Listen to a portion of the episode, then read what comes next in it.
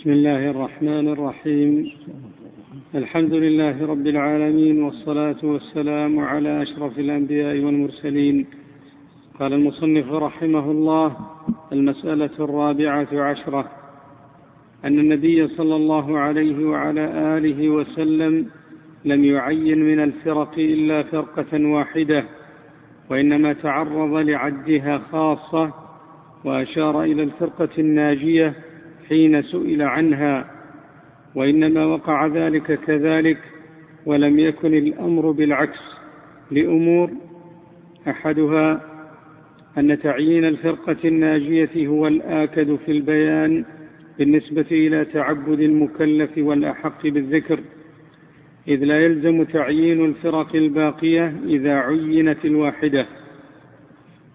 وأيضا فلو عينت الفرق كلها إلا هذه الأمة لم يكن بد من بيانها لأن الكلام فيها يقتضي ترك أمور وهي بدع والترك للشيء والترك للشيء لا يقتضي فعل شيء آخر لا ضدا ولا خلافا فذكر الواحدة هو المفيد على الإطلاق.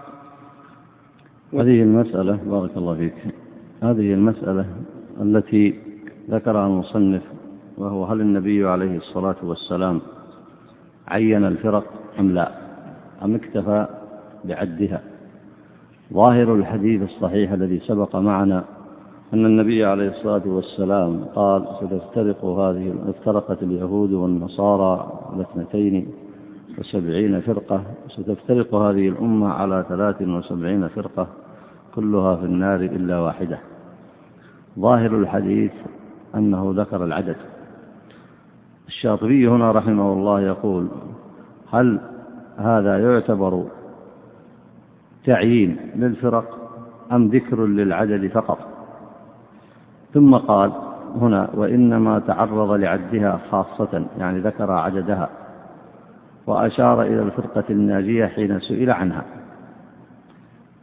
وهنا يظهر لنا السؤال وهو هل ذكر النبي عليه الصلاة والسلام صفات تلك الفرق أو صفات بعضها بحيث يمكن التأمل في هذه الصفات أم لا؟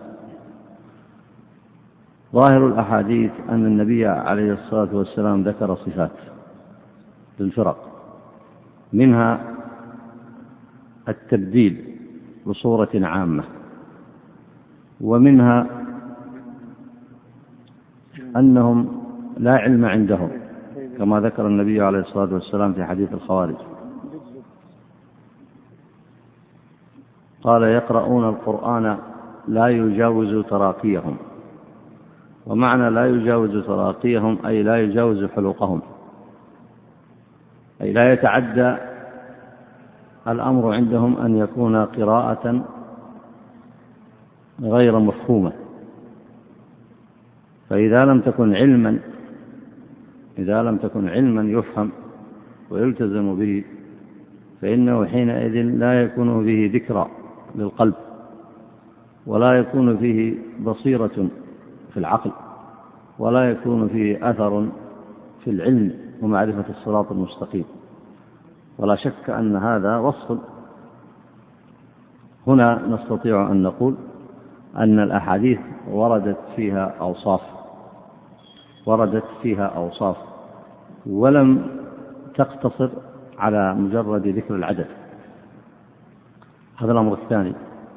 الأمر الثالث أن النبي عليه الصلاة والسلام ذكر صفات الفرقة الناجية والضد يعرف بالضد والضد يعرف بالضد. فإنك إذا قلت النهار والليل فقلت هذا ضياء النهار عرف سواد الليل. وإذا قلت ظلمة الليل عرف بياض النهار. فالضد يعرف بالضد. فالنبي عليه الصلاة والسلام ذكر صفات الفرقة الناجية بأمر واضح بين. ولم يكتفي فيه النبي عليه الصلاة والسلام بالأمر النظري. العلمي لأن الأمر النظري العلمي وإن كان فيه بيان إلا أن النبي عليه الصلاة والسلام أكد ذلك بالفعل. والفعل عند أهل العلم آكد. فإنك إذا رأيت قول النبي عليه الصلاة والسلام أي علمت به في الوضوء أو في الصلاة فإنه آكد عندك أن تراه وهو يصلي. وآكد عندك أن ترى أصحابه وهم يصلون. فالفعل آكد. فالنبي عليه الصلاة والسلام ميز الطائفة التي تقوم بالحق إلى يوم القيامة بأمر عملي. فقال النبي عليه الصلاة والسلام في وصفها لما سئل عنها عن الطائفة الناجية قال ما أنا عليه وأصحابي وهذا تمييز بالعمل. فكأنه قال ما عملت به أنا وأصحابي. والعمل في الجيل الأول ظاهر معلوم. فإن النبي عليه الصلاة والسلام أظهر التوحيد. وخالف أهل الشرك وحكم بالشرائع وأبطل أحكام الجاهلية وأقام الصلاة وآتى الزكاة وحج وصام عليه الصلاة والسلام وحرم الربا وحرم الفواحش وأظهر الدين وقاتل المشركين ونهى عن تجسيس القبور أو العكوف عندها وحرم البدع وغير ذلك من شرائع الإسلام المعلومة ورجم في الزنا للثيب وحد فيما دون ذلك بالجلد وقتل القاتل عمدا قبل الديات في الخطأ. وصار الناس على أمر واحد شريعة واحدة. وحرم العصبيات والجاهليات ما أنا عليه وأصحابي. هذا أمر معلوم نقله الكافة عن الكافة. فميز النبي عليه الصلاة والسلام الفرقة الناجية بأوصاف بأوصاف عملية. وهذه الأوصاف العملية لم تكن خاصة بزمان معين. بل شمل ذلك عهده عليه الصلاة والسلام. حتى نقله عن ذلك حتى نقل ذلك عنه أصحابه فقال عليكم بسنتي أي طريقتي الظاهرة البينة وسنة الخلفاء الراشدين من بعدي أي الظاهرة البينة والطريقة المعلومة. فهذا كله تمييز لهذه الطائفة. تمييز لأتباع النبي عليه الصلاة والسلام على الحق. فإذا علم هذا الأمر الثالث استفدنا منه أن الطائفة الناجية قد ذكرت عددا وهي واحدة لا غير. وقد ذكرت وصفا فهذا تمييز.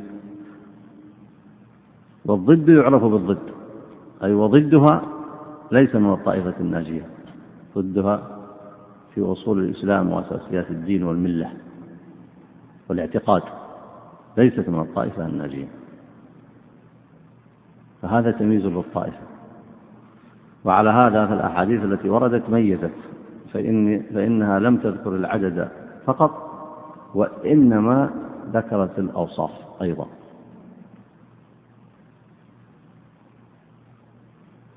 ولذلك قال الشاطبي هنا فذكر الواحدة هو المفيد على الإطلاق ولعله يقصد ذكر الواحدة بأوصافها.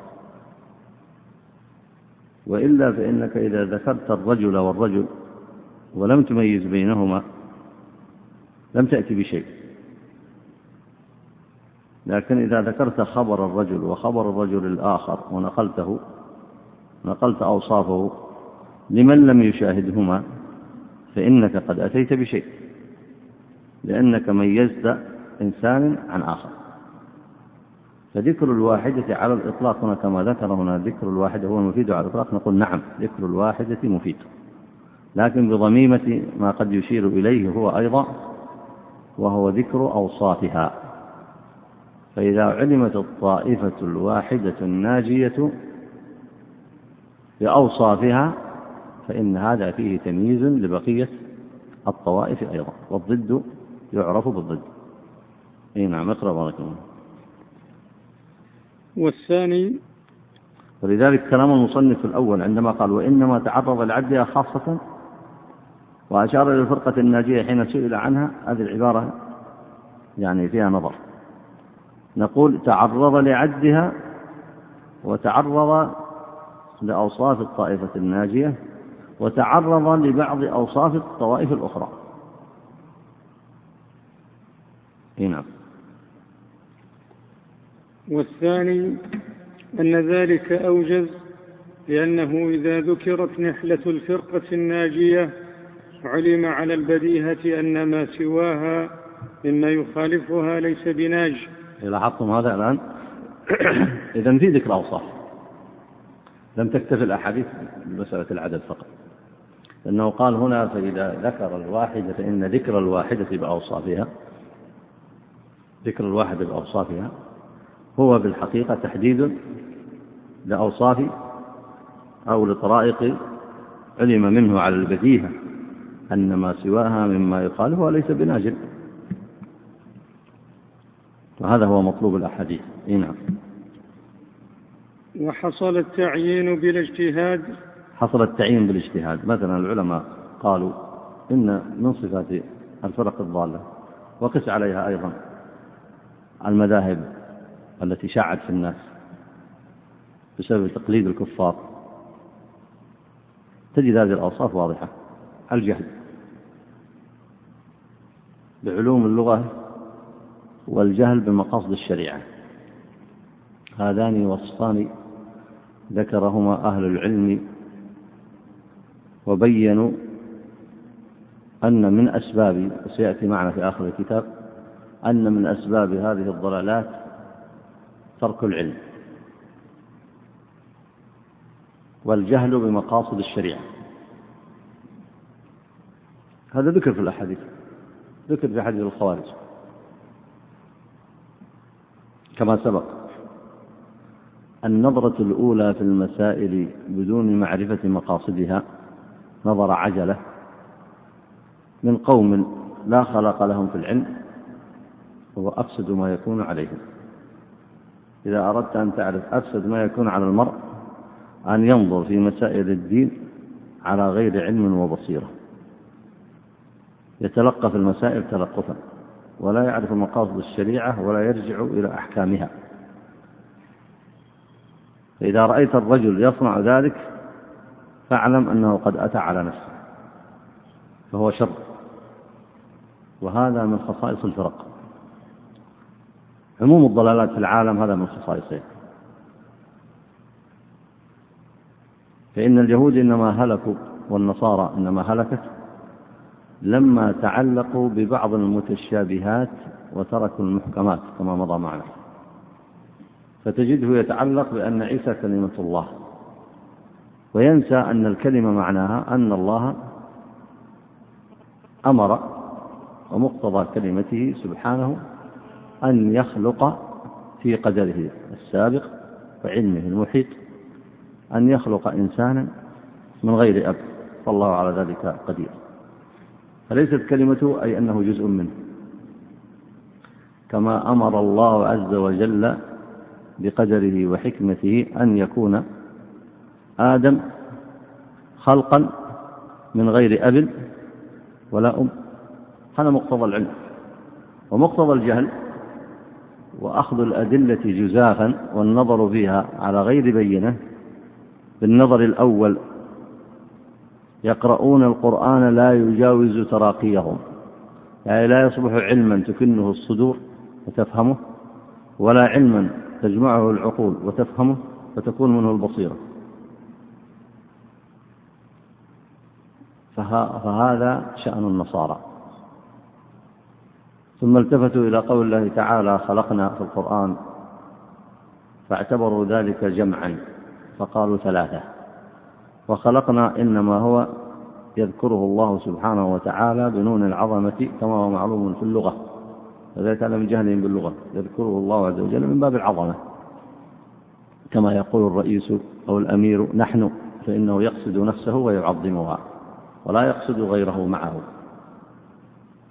فهذا من جهلهم باللغة ومن جهلهم بمقاصد الشريعة ومقاصد الشريعة تعلم من نصوص الشرع وعن طريق العلم الصحيح.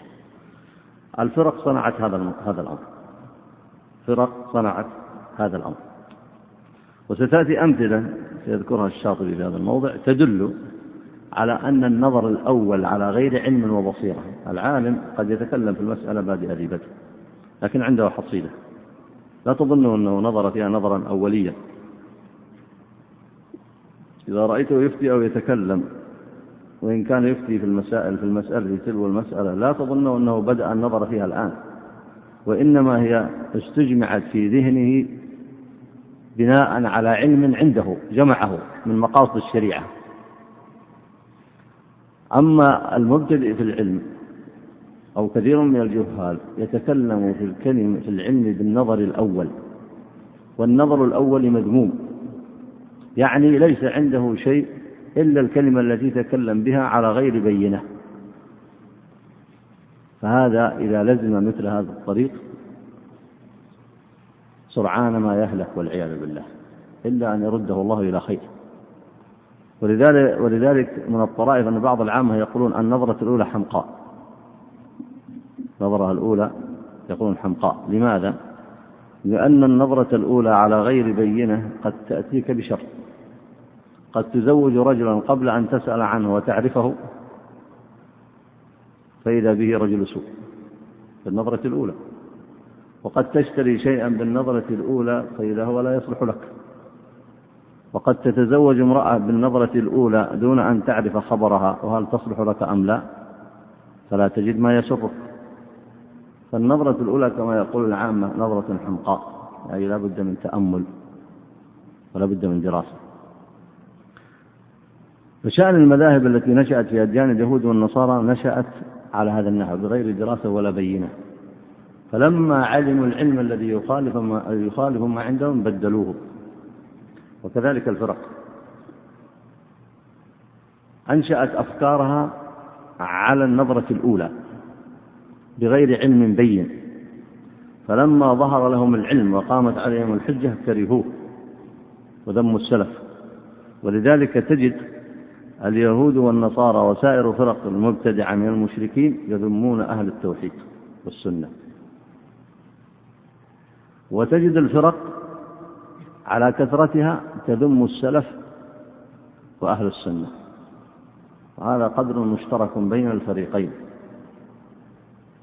فإذا فإذا هناك أوصاف كما أسلفنا مذكورة في هذا ومن ذلك أيضا كما ذكرنا ما يترتب على ذلك من الجهل بمقاصد الشريعة واطراح العلم وكثرة الجهل واللجوء إلى التأويل الفاسد وغير ذلك فهذا من أوصافهم والعلماء يعرفون ذلك. هذا من أوصافهم. ومن أوصافهم أيضا كما ذكر أهل العلم أنهم لا يخلو حالهم من أمرين إما غلو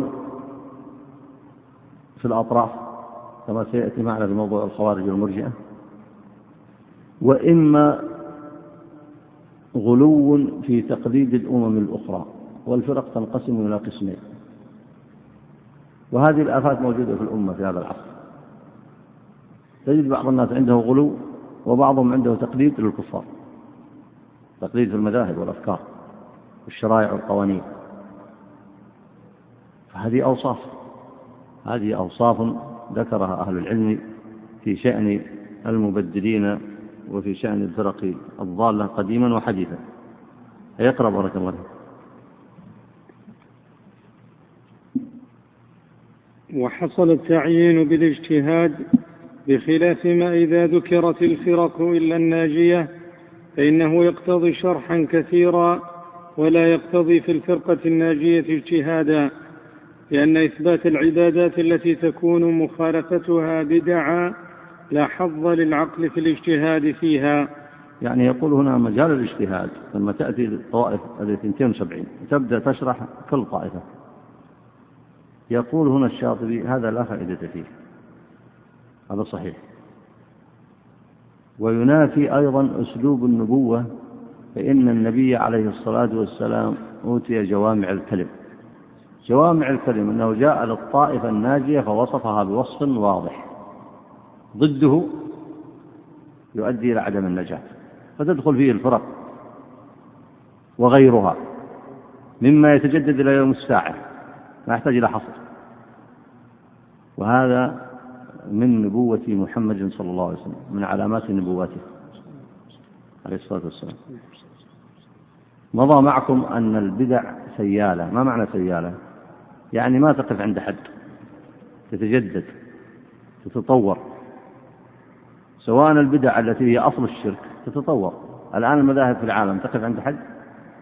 هذا يخرج الشيوعية هذا يخرج الاشتراكية جزء منها هذا يخرج العلمانية هذا يخرج الحداثة هذا يخرج المذهب الفلاني هذا ذاك يخرج المذهب العلاني. تتجدد تتطور. لأن الناس يحتاجون إلى أنظمة وأحكام.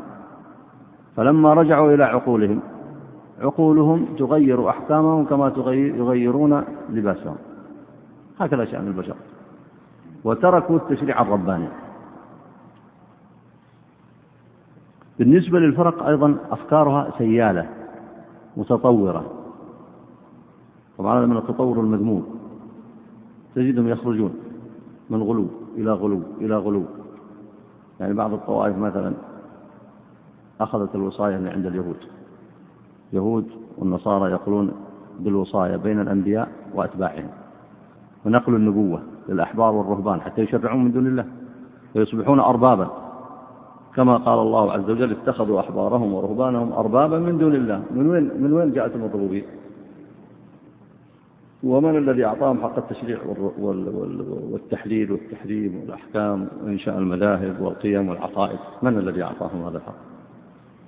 هم أخذوه بالوصاية من الأنبياء. عندنا في الإسلام من يصنع ذلك؟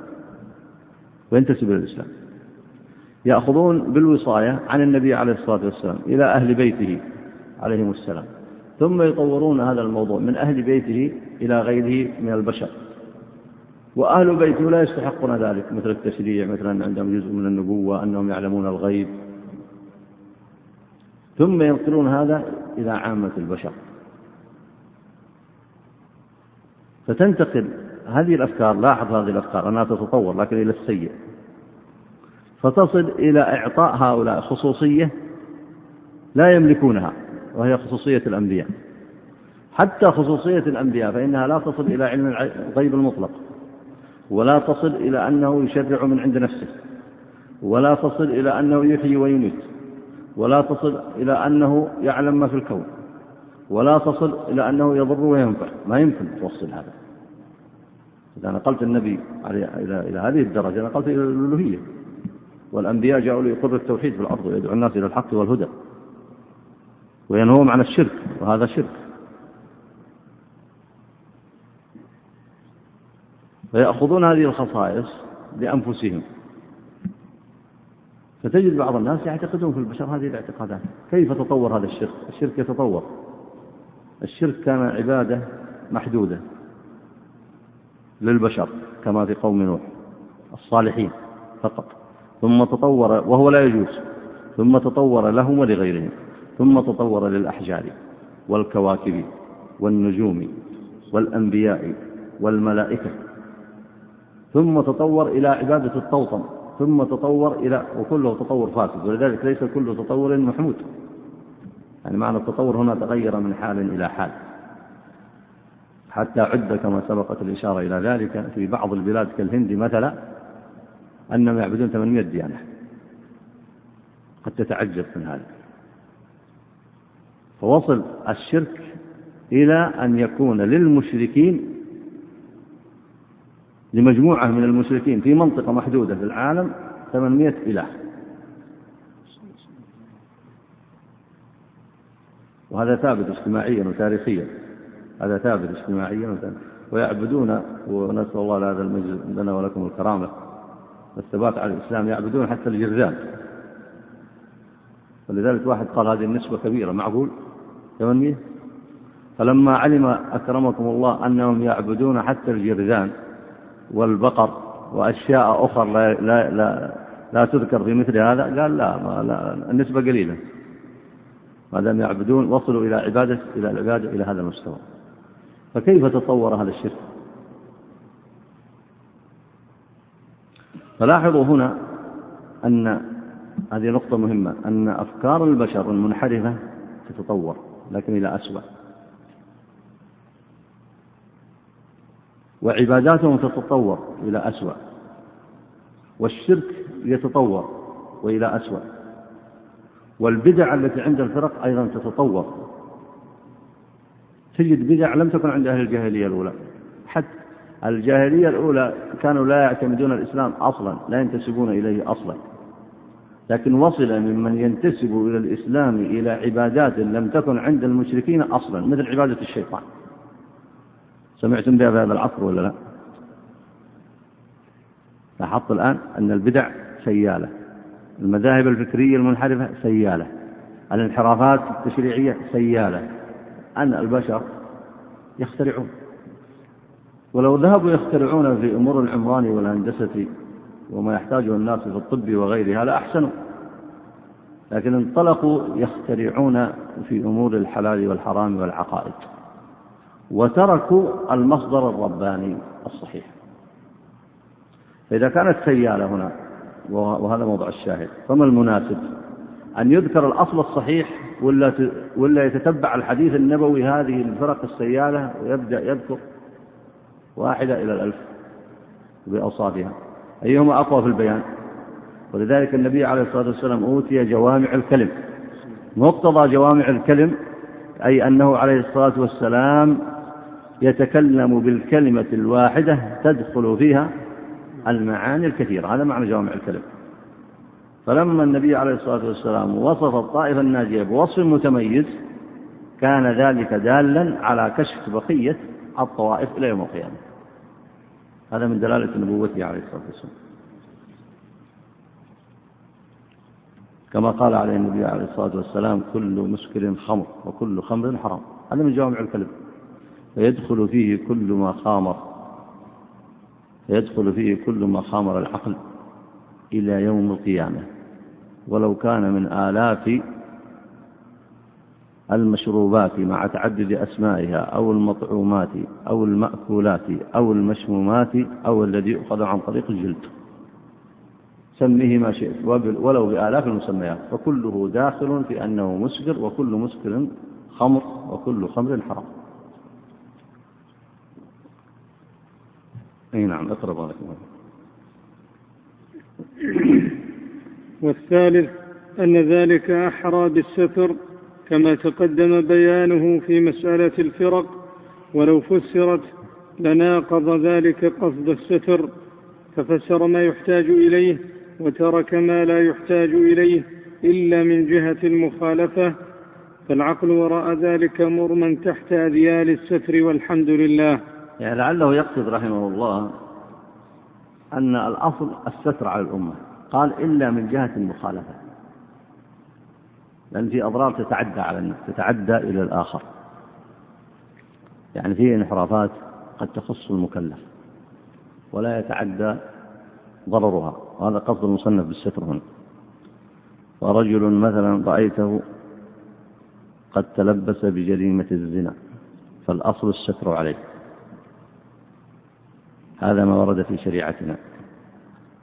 لعله أن يتوب لعله أن يستعتب لعله أن يرجع. فالأصل الستر في بعض الذنوب دون بعض. وأما البعض الآخر التي يتعدى ضرره ضرره على الناس كالعقائد والأفكار فيقبل الستر ما لم تكن هناك مخالفة تضر بالآخرين. يعني ما عنده عنده لوثة عنده خطأ عنده بدعة. عنده إن صح التعبير إرهاصات تدل على فكر فاسد لكن ما تكونت ما ضرت بالآخرين. لعله أن يرجع لعله أن يستعتب. هذا الأصل الستر فيه أيضا. لكن إنسان تعدى ضرره إلى الآخرين يدعو إلى شرك إلى خرافة إلى بدعة إلى شر إلى فتنة إلى مخالفة السنة إلى مذهب فاسد إلى فكر منحرف. يختلف الأمر هنا. ولذلك قال مصنفنا إلا من جهة المخالفة. فكأنه أخذ من ذلك أنه الأصل الستر إلا أن تظهر المخالفة ولهذا النبي عليه الصلاة والسلام لم يفصل فيها. ذكرها في الجملة. ذكر الفرق جملة.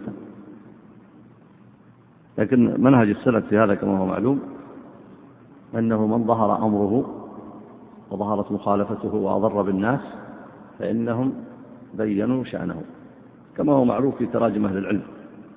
في تراجم أهل العلم. فيقول هذا مبتدأ أو مرجي أو خارجي أو معتزلي أو شيعي أو يقولون زنديق أو يقولون دهري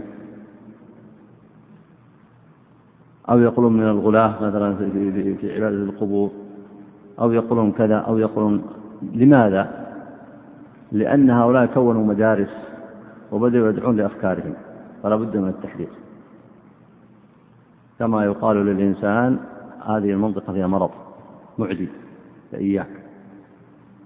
أو هذا النوع من الأمراض خطير فاحذر أسبابه ويدل على مواضعه حتى لا يدخل فيه لأنها من الأمراض التي تتعدى ويظهر ضررها. وهناك عند أهل العلم أيضا ما هو دون ذلك وإن لم يصل إلى العقائد. كما هو معلوم عند علماء الحديث فيقولون هذا الرجل كذاب لأنه ظهر كذبه في حديث النبي عليه الصلاة والسلام. فهل تريد أضر من ذلك؟ فلا يترك. فلا يقال هنا الأصل الستر. فلا يقال هنا الأصل الستر. بل يقول فلان ابن فلان ابن فلان ابن فلان ابن فلان الفلان كذاب متهم. ويسطرونها في الكتب إلى يوم القيامة. ويقولون عنه ضعيف. ويقولون عنه لا يؤخذ بحديثه. وكل ذلك هذا لا ستر فيه. ليس فيه ستر. لأنه يتعدى ضرره إلى الناس. ولهذا المنكرات بحسبها. ما كان منكرا في حكم الأمر الخاص فهذا ينكر عليه بخصوصه. والأصل فيه الستر.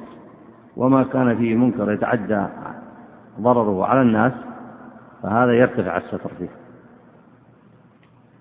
ولذلك ترجم البخاري في أحد أبوابه وهي ترجمة يعني تمثل قاعدة في, في, في الحقوق قاعدة عظيمة. قال ظهر المؤمن حمى ظهر المؤمن حمى إلا من حق أو حد إلا من حق. ينتهك حق من الحقوق. أو يرتكب موجب من موجبات الحد. أي نعم. طيب اقرأ بارك الله فيك. فبين النبي صلى الله عليه وعلى آله وسلم ذلك بقوله ما أنا عليه وأصحابي ووقع ذلك جوابا للسؤال الذي سألوه إذ قالوا من هي يا رسول الله؟ فأجاب بأن الفرقة الناجية من اتصف بأوصافه عليه السلام وأوصاف أصحابه وكان ذلك معلوما عندهم غير خفي. لاحظ العبارة دي معلوما عندهم غير خفي. فاكتفوا به وربما يحتاج إلى تفسيره بالنسبة إلى من بعد تلك الأزمان. يعني إذا احتاج إلى تفسيره في بعض الأزمان ليس لأنه غير واضح لا. بل بسبب الجهل الذي انتشر في الناس. أضرب لك مثال مثلا. أنت مع انتشار العلم تعرف أن الصلاة واجبة وتعرف صفة الوضوء. وتعرف أن الزنا محرم. لكن في بعض المناطق التي يكثر فيها الجهل ممكن لا يعرفون أن الزنا محرم. ويمكن لا يعرف صفة الوضوء إلا غسل الوجه فقط. يمكن أو غسل اليدين. أنت لا تستغرب هذا. لكن تقول هنا نقول لأن هذا الأمر غير واضح في الشرع ولا نقول لجهل هؤلاء؟ نقول لجهلهم. ولذلك لما جاءت امرأة حامل أمة لم تكن بين المسلمين؟ فما عاشت بين المسلمين إلا أياما فجاءوا بها وهي حامل. فسألوها فقال فقالوا من أين؟ فقالت من فلان. تستهل به استهلال من لا يعلم أنه حرام فاستدلوا بذلك على جهلها لأنها قريبة عهد بالإسلام جديدة عهد بالإسلام وقريبة عهد بالجاهلية ما تعرف حكم الزنا أنه محرم. فهذه أوصاف الفرقة الناجية معلومة واضحة. فتكفي في بيان أوصاف الفرق والضد يعرف بالضد. أوصاف الفرق الأخرى. كونها تأتي أزمان لا يعرف الناس ذلك. هذا بسبب غربة السنة وكثرة الجهل. ما هو لعدم وضوحها؟ نعم. وحاصل الأمر أن أصحابه كانوا مقتدين به مهتدين بهديه. هذه الأوصاف الآن سيشير إلى الأوصاف التي ينبئ عنها حديث النبي عليه الصلاة والسلام ما أنا عليه وأصحابي. نعم. مقتدين به مهتدين بهديه قد جاء مدحهم في القرآن الكريم وأثنى عليهم متبوعهم محمد صلى الله عليه وسلم وإنما خلقه عليه السلام القرآن فقال تعالى وإنك لعلى خلق عظيم. فالقرآن إذن هو المتبوع على الحق وجاءت السنة مبينة له فالمتبع للسنة متبع للقرآن والصحابة كانوا أولى الناس بذلك رضي الله عنهم فكل من اقتدى بهم فهو من الفرقة الناجية الداخلة للجنة بفضل الله وهو معنى قوله عليه السلام ما أنا عليه وأصحابي. فالكتاب والسنة هما الطريق هو الطريق المستقيم وما سواهما من الإجماع وغيره فناشئ عنهما. يعني الآن سيثبت الأصول التي اعتمد عليها أهل السنة والأصل الأول الكتاب والأصل الثاني السنة سنة النبي عليه الصلاة والسلام القولية والفعلية الخلقية الأصل الثالث الإجماع والرابع القياس. الإجماع والقياس يرجع إلى هذين الأصلين. يرجع إلى هذين الأصلين وهما الكتاب والسنة. سيأتي المصنف كلام أن كل كثير من هذه الفرق تدعي أنها على الكتاب والسنة. لكن المقصود هنا الكتاب والسنة بالكلام الذي ساقه هنا وهو الاقتداء. فهو ما كان عليه النبي عليه الصلاة والسلام. ولذلك ذكر الإجماع. الإجماع في الأصل هو محمل على الكتاب والسنة. يعني أنه لا بد الإجماع لا بد له من مستند على الكتاب والسنة. ومنه ما أشرنا لكم في الدروس الماضية وهي المحكمات. فالمحكمات تساوي الإجماع في الأصل. يعني وردت النصوص الظاهرة الصحيحة البينة من الكتاب والسنة عليها من الكتاب ومن السنة. ثم أجمعت الأمة على. على فهم تلك النصوص بذلك الفهم. ومن هنا ثبتت معاني الإسلام. وأصبح خط الإسلام والطريق المستقيم واضح. يعزل عنه الخرافة والشرك والتقليد والانحراف. ويعزل عنه كل الانحرافات الموجودة عند المشركين وعند الفرق. صار فهم واضح. ولهذا صارت القرون الأولى على هذا. لاحظ الآن كلام الشاطبي في وصف الفرقة الناجية ثم قال وأصولها. من الناس من يخالف الأصول أصلا؟ يقول لك هو مسلم لكن ما يتبع إلا الكتاب. مثل اللي يسمون أنفسهم القرآنيين. فإذا قيل من أين تعرف أنت الأربع الركعات في الظهر والأربع الركعات في العصر؟ من أين تعرفها فإنها لم ترد في القرآن. فقالوا تكفي الصلاة ركعتين. فصاروا يشرعون من عند أنفسهم.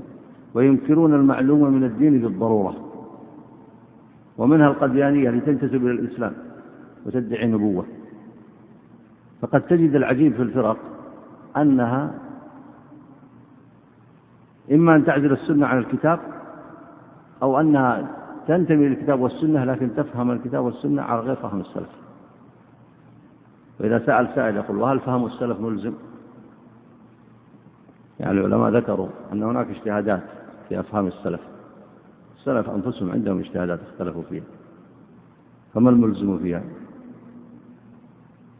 فإذا لابد من الترجيح بالدليل. لكن لاحظوا هذه نقطة مهمة. إذا قال أهل السنة فهم السلف يقصدون الفهم الذي أجمعوا عليه. والفهم الذي أجمعوا عليه هو دين حق لا ريب ولا شك فيه.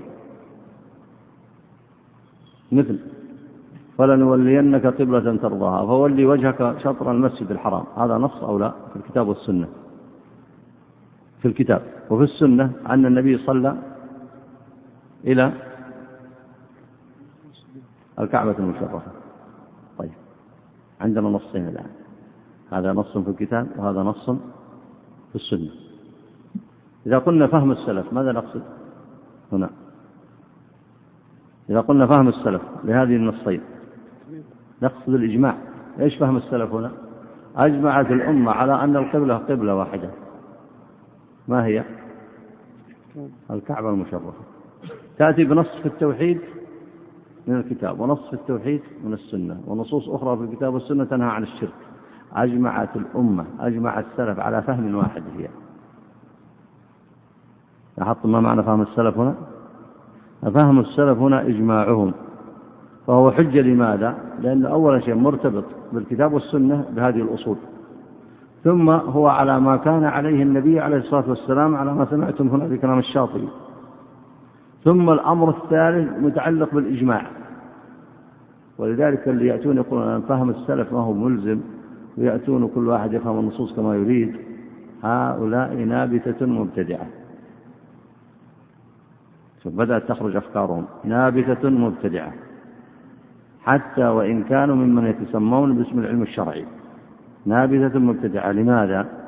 لأن أصل إذا فكوك من فهم السلف أدخلوك في الفرق. لأن الفرق عندها أفهام. يعني يأتي في الموضوع الأول عشر أفهام. ما هو الفهم الواحد الصحيح؟ كيف نميزه نحن؟ نميزه نحن بالنصوص الصحيحة من الكتاب والسنة؟ حتى ما نقول نرجع نحن إلى بشر نحن نرجع إلى النصوص الكتاب والسنة. لكن في نفس الوقت هناك أفهام ثابتة مع القرون. سميها محكمات سميها ثوابت سميها كليات الدين يعرفها العامي يشترك فيها عموم المسلمين حتى لو عصوا أن القبلة الكعبة أن الزنا محرم. هذا فهم السلف. وعلي ونحن نتابعهم على هذا الفهم. أن الحق واحد ونحن نتابعهم على هذا الفهم. أن عبادة القبور محرمة. فهمهم هذا. طبعا في نصوص. ونحن نتابعهم على هذا الفهم ولا يجوز الخروج عنه أصلا أبدا ما يجوز. كما أن نقول الصدق واجب والكذب محرم. كما كما نقول العقود الفاسدة محرمة. كما نقول نكاح الصغار ونكاح المتعة محرم. فهم السلف وهكذا. فهم السلف هنا بالنسبة لنا قضية أساسية. يشبهها عند أصحاب العلوم أيها الإخوة. يشبهها عند أصحاب العلوم والتخصصات الأخرى المبادئ الموجودة في الطب في الاقتصاد في الصناعات. في مبادئ علوم ولا لا؟ في مبادئ علوم تتحرك مع جميع القرون لا يشكك فيها إلا المخابيل المجانين. يعني في مبادئ في علم الطب في مخترعات جديدة في مستجدات جديدة في أشياء جديدة. ممكن تقبل رأي ممكن تقبل رأيين تدخل المختبرات. لكن في أشياء بديهيات يسمونها في أشياء أساسية في علم الطب. إذا شك الطالب فيها يخرجون من باب الكلية من باب الطب يقول ما يمكن أن تتعلم الطب. جيت تسوي لنا أنك أنت علامة جديد. في أشياء أساسيات في العلوم. فهذه تمضي مع القرون. هنا في أفهام في اللغة وفي أفهام في الشرائع. أفهام ثابتة مقررة مشت مع علماء المسلمين أكثر من من ألف عام. هذه ليست محل أخذ ولا عطاء ولا يمكن تتحول إلى إلى محل رأي. ما يمكن تتحول إلى محل رأي. والعلماء من جميع المذاهب الإسلامية مجمعون عليها. ما يمكن تتحول إلى إلى إلى رأي. ما يمكن تتحول إلى أخذ وعطاء. وإلا معنى أن كل جيل يأتي يهدم الجيل الذي قبله وينشأ من جديد. وهذا الفكر موجود عند الفرق وموجود عند الحداثة الآن. الحداثة معناها التحديث في الأفكار. بمعنى أن كل فكرة تنقض التي قبلها. المبرر الوحيد للشيوعية الحمقى أن الشيوعية هي الفكرة الجديدة لتنقض الرأسمالية. هذا أكبر مبرر. وسقطت الشيوعية ذهبت الشيوعية. هذا الفكر الحداثي لوثة يدخل حتى على طلبة العلم وهم لا يشعرون. كل فهم السلف ما هو ملزم. طيب إذا كان فهم السلف ما هو ملزم فهم العلماء ما هو ملزم لمدة حوالي 1400 سنة. يعني هل, هل هؤلاء كانوا مجانين؟ لا يفهمون. ما عندهم ثوابت ما عندهم محكمات ما عندهم أصول. فإذا قيل الكتاب والسنة وفهم السلف هذا منهج. منهج متميز. لا يمكن للأمة أن تقوم إلا به. قال مالك رحمه الله لا يصلح آخر هذه الأمة إلا بما صلح به أولها فهناك أساسيات كليات إجماعات محكمات قام عليها الجيل الأول. وكل جيل يأتي بعده ينظر إلى هذه الأوصاف الجميلة الكريمة وهذا الدين الصحيح على أنه قدوة. في مجتمع زراعي مجتمع صناعي تتحول المجتمعات من حيث النظرة المادية لكن المكونات العقدية المكونات التشريعية ما يتعلق بقضايا الحلال والحرام المجمع عليه هذا اسمه عندنا دلالة الكتاب والسنة والإجماع كما ذكر المصنف وهو فهم السلف. بقي فهم السلف في بعض المسائل الجزئية اللي اختلفوا فيها. هذا ما يلزمك هذا بحسب الدليل. العلماء يرجحون فيه العلماء يرجحون فيه وبعض أهل العلم من, من أدبهم حتى مع الصحابة قالوا رأي الصحابي يرون أنه حجة كما قال أحمد الشافعي. وله تفسير عند بعضهم إذا لم يخالفه غيره. لكن الإجماعيات الأساسيات هذه ما تكلم فيها أحد. كل عالم بالسنة يرى أن فهم السلف فيها ملزم. وبعدين إذا فكينا الناس من الأفهام الصحيحة في العلم اللي ثبتت صحتها ثم قلنا خذوا الكتاب والسنة افهم أنت كما تريد. ما الذي يحدث في العالم؟ ما الذي يحدث في العالم؟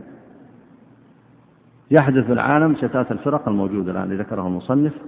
ويحدث في العالم أن طبيعة النفس أصلا تحب التجديد فيما لا قدرة لها عليه. مسألة عقائد الأحكام الشرائع الحلال الحرام فضائل هذه مسائل ثوابت. مسائل ثوابت. وجعلت ثوابت حتى تضمن نشأة المجتمعات وصلاح المجتمعات وتماسك المجتمعات. فلو تركت للناس كلهم يقول كل منهم ما شاء فيها ويقول فهم الأولين أصحاب الفضائل أصحاب الدين أصحاب الحق أصحاب الهدى ليس بملزم؟ كيف تجمع الناس؟ كيف تثبت المجتمعات؟ فهذه فتنة وإن كانت هذه الفتنة إذا جاءت من غير المختصين في الشريعة أو جاءت من أصحاب الأفكار الأخرى فهذا ليس بمستغرب لأنهم هم يريدون يفككون الناس عن الإسلام. وهذا مدخل لهم. يقول لك يا أخي الثوابت القديمة والمحكمات القديمة دي وفهم السلف لا تتعبنا فيها هذا فهم الرجال نحن نريد نجتهد. فإذا جاءت من أصحاب الأفكار الأخرى فهذا ليس بمستغرب منهم لأنهم قصدهم تفكيك الأمة من الداخل. والأمة لا تحتاج إلى جراحات جديدة. أما أن يأتي هذا من بعض الذين يتسنمون أو يتكلمون باسم العلم الشرعي هذه آفة من أشد الآفات. لكن ينبغي لطلبة العلم أن يحذروا من ذلك وأن يحذروا منه. يقيل فهم السلف المقصود به الإجماعات. والأمة حتى في واقعها ما استفادت من الإجماعات. في قضايا إجماعات أساسية. تنظم أمر الأمة وتجمع كلمة الأمة. وهذه الحمد لله عليها دلالة الكتاب والسنة وعليها إجماع السلف أي فهم السلف رحمهم الله. إي نعم. اقرأ بارك الله هذا هو الوصف الذي كان عليه النبي صلى الله عليه وسلم وأصحابه وهو معنى ما جاء في الرواية الأخرى من قوله وهي الجماعة لأن الجماعة في وقت الإخبار كانوا على ذلك الوصف. يعني ورد وهذا يدل على أن الحديث الفرق حددت أوصاف. ورد الوصف الذي يتكلم عنه المصنف وهو قول النبي عليه الصلاة والسلام ما أنا عليه وأصحابي. وورد وصف آخر قال هي الجماعة. والمقصود هنا كما قال المصنف الجماعة أي التي كانت على ذلك الوصف. الجماعة هي التي كانت على ذلك الوصف أي على ما كان عليه النبي عليه الصلاة والسلام وأصحابه. أي نعم. إلا, إن إلا أن في لفظ الجماعة معنى تراه بعد إن شاء الله. ثم يأتي بحث للمصنف بحث لطيف. جيد. في جمع كلام السلف في تفسير الجماعة. ورده إلى معنى واحد. وسيأتي ذكره إن شاء الله. إيه نعم. ثم إن في هذا التعريف نظرا لا بد من الكلام عليه فيه وذلك أن أن كم بقي من الوقت؟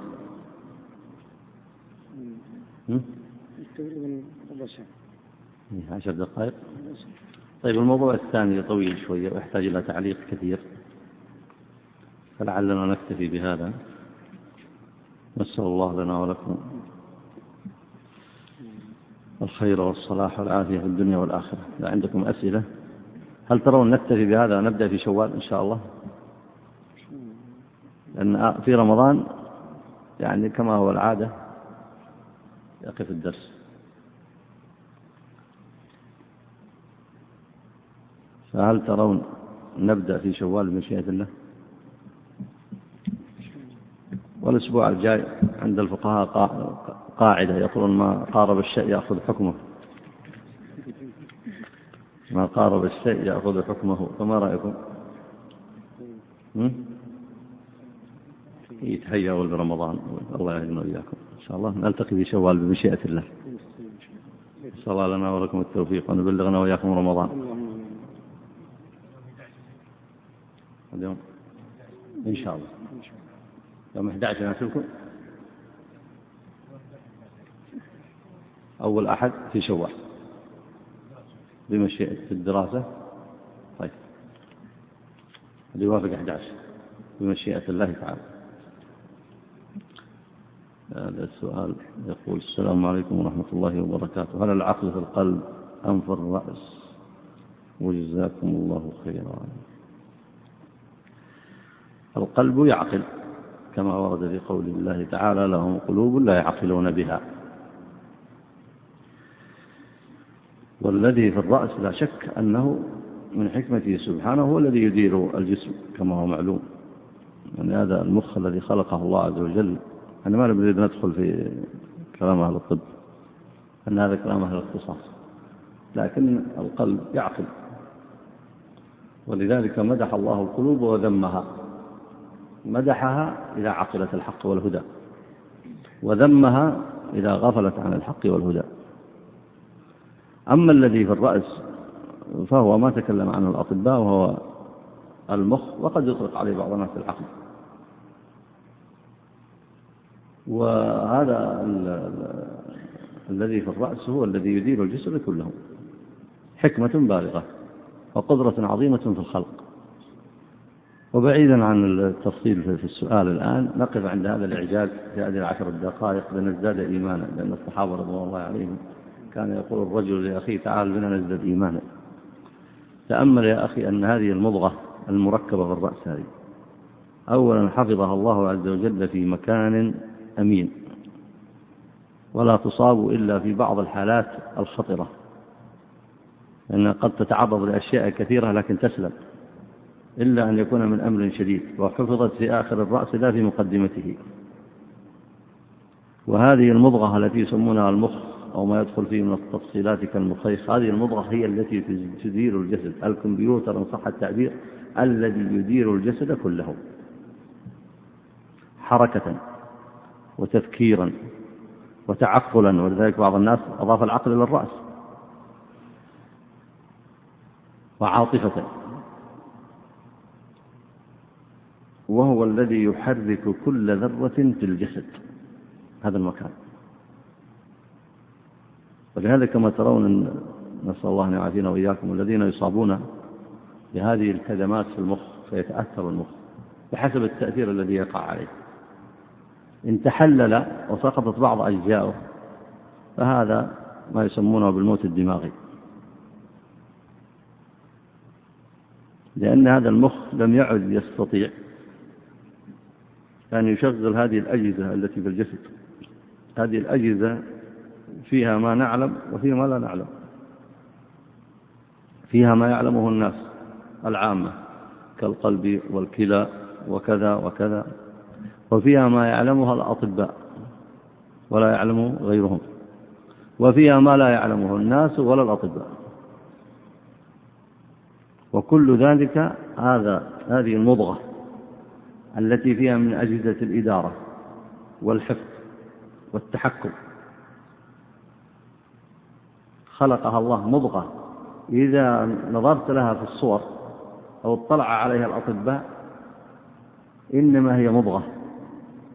مضغة مكونة من أرق شيء. من أرق شيء شعيرات. وبعضها إذا تأثرت حتى في الصغر بسبب مثلا عسر الولادة أو شيء من هذا وانقطاع التنفس بالنسبة للصغير وتأثرت هذه الشعيرات لو اجتمع أهل العالم كلهم لا يستطيعون أن يأتوا بمثلها إلا أن يشاء الله إحياءها. وهذه التي ترون في الأطفال الصغار ويكبرون بها إما عاهة كبيرة كأن تذهب تتعطل يده أو رجله أو يذهب. هذه أشياء في المخ صغيرة هي التي ترسل هذه الأجهزة. هذا الجهاز الأصلي لا شيء فيه لكن لم يرسل له شيء تعطل الذي هنا. ومنه ما يكون أخف ومنه ما يكون أشد مثل أصحاب العاهات.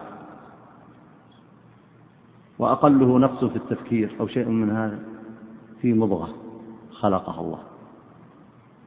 لقد خلقنا الإنسان من سلالة من طين ثم جعلناه نطفة في قرار مكين ثم خلقنا النطفة علقة فخلقنا العلقة مضغة فخلقنا المضغة عظاما فكسونا العظام لحما. هذا هيكلية الإنسان. جزء من هذه مكونات هذه النطفة جزء منها جزء منها يكون منه هذا الجهاز العظيم. الآن جاءت ما يسمى بثورة الكمبيوتر والتقنية والاتصالات. ليس في العالم الآن لو جمعت لو جمعت أجهزة العالم في التقنية والكمبيوتر لا يمكن يستحيل أن يكون شيء منها مثل خلق الله. هذه المضغة الصغيرة تجمع ما لا يجمعه كمبيوتر في العالم.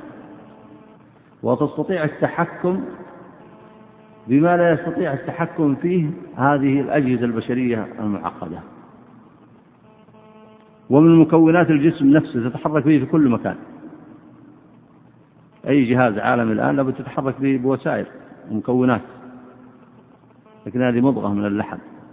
حفظها الله برأسك هنا.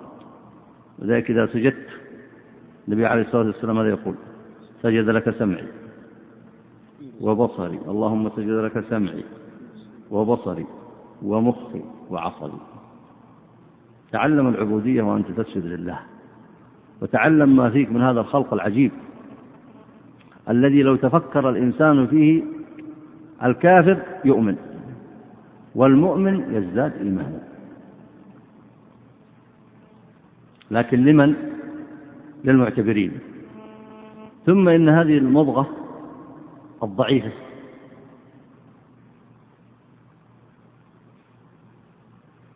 إذا تأثرت بالتأثر الذي سبق ذكره وهو تحلل بعضها هذا الذي يسميه الأطباء الموت الدماغي. لأن تحلل البعض معناه عدم قدرة هذا الجزء في الرأس من تشغيل هذه الأجهزة. ذلك الموت الدماغي لابد يركب على القلب الجهاز جهاز صناعي يشغل القلب القلب نظيف وحي ومتحرك. لكن لابد له من جهاز الجهاز الأصلي الذي وضعه هنا لك حتى تسجد وتعتبر ما يرسل ما يرسل إشارات. وهذا القلب متكامل جدا إلا أن الإشارات لا تصل له. يحط له جهاز يوصل له إشارات. طبعا ما هي بإشارات عملية ضخ وتعب ومتعب ولذلك إنما هي أيام أسابيع توفى.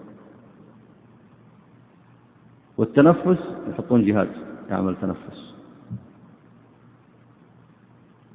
لكن من قبل كان هذا الإنسان في أحسن تقويم. فأنت تفكر كيف خلقك الله في أحسن تقويم حتى تتمتع بالطاعة تتمتع بالعبادة تتمتع بالكرامة الإيمانية الإسلامية الكلى مثلا.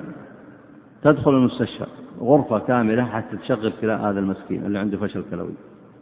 وإذا صبر أجير. لكن لابد الإنسان يتفكر. أنت أجهزتك تشتغل وأنت في متعة ونشاط وحيوية. تذهب وتجيء تضحك وتعمل تتمتع بالطعام والشراب إذا كنت متزوج بالزوجة تتمتع. ما تدري أنت هذا الكائن ما الذي يشغله. هذا المسكين حتى يعمل تشتغل الكلى فقط. يحتاج إلى غرفة كبيرة. غرفة كبيرة. مليئة بالأجهزة. مليئة بالأجهزة. حتى تعمل عمل هذه قطعة الكلى الصغيرة.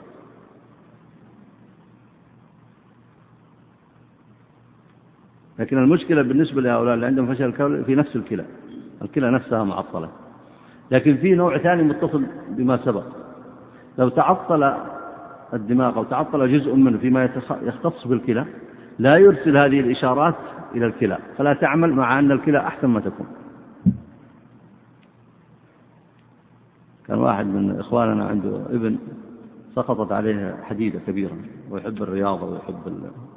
وجاي متعلق في حديدة كبيرة عشان يلف فيها ما كانت مثبتة في الأرض فسقطت على رأسه فأصاب بتورم دماغي. طبعا يجلس مغمى عليه في العادة حتى يعود الدماغ إلى حالته الطبيعية. ما معنى يعود إلى حالته؟ الأطباء طبعا كلهم يتأخرون إلى الخلف مباشرة. ما في إلا الانتظار. الانتظار. الانتظار لماذا؟ حتى هذا التورم الدماغي في هذه المضغة يزول. فيعود الدماغ لحركته الطبيعية. إذا بدأ لحركته الطبيعية يبدأ يرسل. كيف يعرفونهم؟ في خلال أسبوع أسبوعين بدأ. يحرك. يعرفون أن الدماغ بدأ لحالته الطبيعية بدأ يفتح عينه يعرفون أنه بدأ إرسالات. بدأ يتكلم على خفيف. يعرفون أن الدماغ بدأ يرسل الإشارات مكان التحكم. حتى قام فإذا هو في قوته ونشاطه. بقية الكلى لا تعمل. قال الأطباء الدماغ لا يرسل الكلى. الكلى سليمة. سليمة جدا مئة في المئة. أصل الضربة في الرأس الكلى في مكانها ما عنده لا فشل كلوي ولا عنده شيء. الكلى سليمة مئة في المئة. لكن الدماغ لا يرسل تلك الإشارات التي خلقها الله فيه. بدأ يرسل لبقية الجسد كله. بدأ الشاب يتنامل الشباب يتحرك. يمشي يتحرك. أول شيء حركات بسيطة لأن الدماغ بدأ يتماسك قليلا قليلا. آخر ما, ما في الأمر أنه بدأ يمشي يتحرك يعيش مع الناس لكن الكلى لا تخرج يسمونه الأطباء البول المائي يعني تشرب الكاسة هذه تنزل كما هي الكلى لا تعمل. ما السبب؟ هل هو سبب في نفس الجهاز جهاز الكلى؟ قالوا لا. الدماغ بعد في هذه المنطقة بدأ يتماسك إلا في هذا الجزء عنده ضعف ما يستطيع يفصل. أنت تحمل في هذا الجسد يا بني آدم تحمل هذا الجسد. قال الله عز وجل وفي أنفسكم أفلا تبصرون. تحمل طاقات عظيمة. فانظر أيضا تأثير الدماغ على حركة الإنسان النفسية. غضبه رضاه حزنه. وتحكمه في هذا. أنت عندك قدرة تتحكم في الغضب. ممكن تتحكم فيه. فتركيبة هذا الإنسان تركيبة معجزة. تدعو الإنسان للتأمل. دائما تفكر ابن آدم في نفسك. أولا ما تنسى النعم فتكون من الشاكرين. الأمر الثاني تزداد إيمان. لأن هذه أقرب الآيات إليك. يعني أنت ممكن تتفكر في السماء لكن تنام في الغرفة. هل ترى السماء؟ هل تتفكر فيها؟ يمكن تتفكر فيها من باب المعلومات السابقة لكن ليست أمامك لكن نفسك أنت نفسك موجودة معك في كل مكان. فتفكر فيها تزدد إيمانا. وفي أنفسكم أفلا تبصرون. نسأل الله أن يجعلنا وإياكم ممن يزدادون إيمانا. وصلى الله وسلم على نبينا محمد وعلى آله وصحبه أجمعين.